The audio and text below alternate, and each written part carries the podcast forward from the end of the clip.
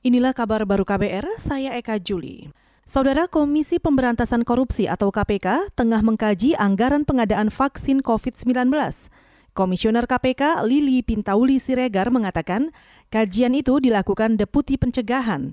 Ia mengaku KPK mengawasi program-program pemerintah terkait pandemi corona, semisal program organisasi penggerak atau POP yang digagas Kementerian Pendidikan dan Kebudayaan lalu program Kartu Prakerja dan juga pemulihan ekonomi nasional. Untuk vaksin ini mungkin sedang dalam kajian di teman-teman pencegahan.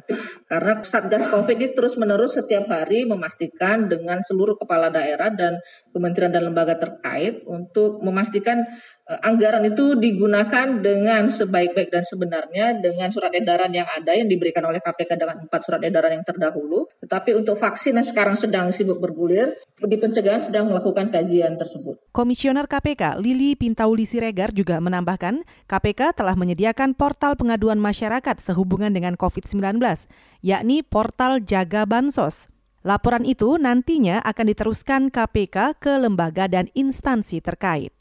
Satgas COVID-19 KPK dan koordinator wilayah itu memastikan tindak lanjut penyelesaian terkait masalah yang diadukan oleh kepala daerah atau instansi terkait. Apabila tidak diselesaikan dengan baik, KPK mengingatkan untuk dituntut melalui upaya hukum. Kita ke soal lain. Pendiri Partai Umat Amin Rais secara resmi meluncurkan logo partainya yang berbentuk lambang perisai tauhid. Amin mengatakan logo tersebut dipilih dan diputuskan setelah melalui musyawarah.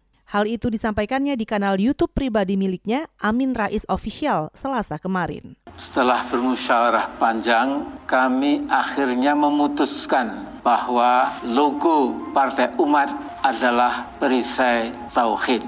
Di dada burung Garuda Pancasila, bintang adalah simbol dari ketuhanan yang Maha Esa. Pendiri Partai Umat Amin Rais juga menuturkan Kalimat tauhid dalam Islam disebut sebagai kalimat tayyibah yang diibaratkan sebagai syajarah tayyibah, yakni pohon indah yang akarnya merasuk ke dalam petala atau lapisan bumi, sedangkan cabangnya menjulang tinggi ke angkasa.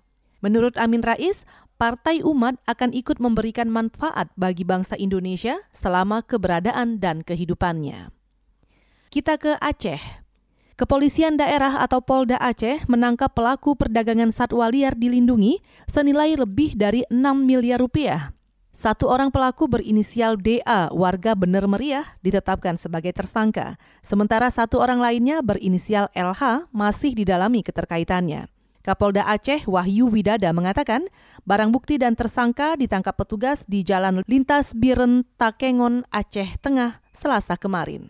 Yang kita tangkap barang buktinya yang pertama adalah sisik terenggiling sebanyak 28 kilo. Yang tadi sudah jelaskan 28 kilo ini berasal dari 56 ekor terenggiling. Kemudian yang kedua rangkong gading 71 rangkong gading. Kemudian yang terakhir adalah satu ekor kulit harimau beserta dengan tulang belulangnya. Kapolda Aceh Wahyu Widada juga menambahkan, penangkapan bermula dari informasi masyarakat terkait perdagangan satwa di Kabupaten Bener Meriah. Penangkapan dilakukan bekerja sama dengan Kementerian Lingkungan Hidup dan Kehutanan.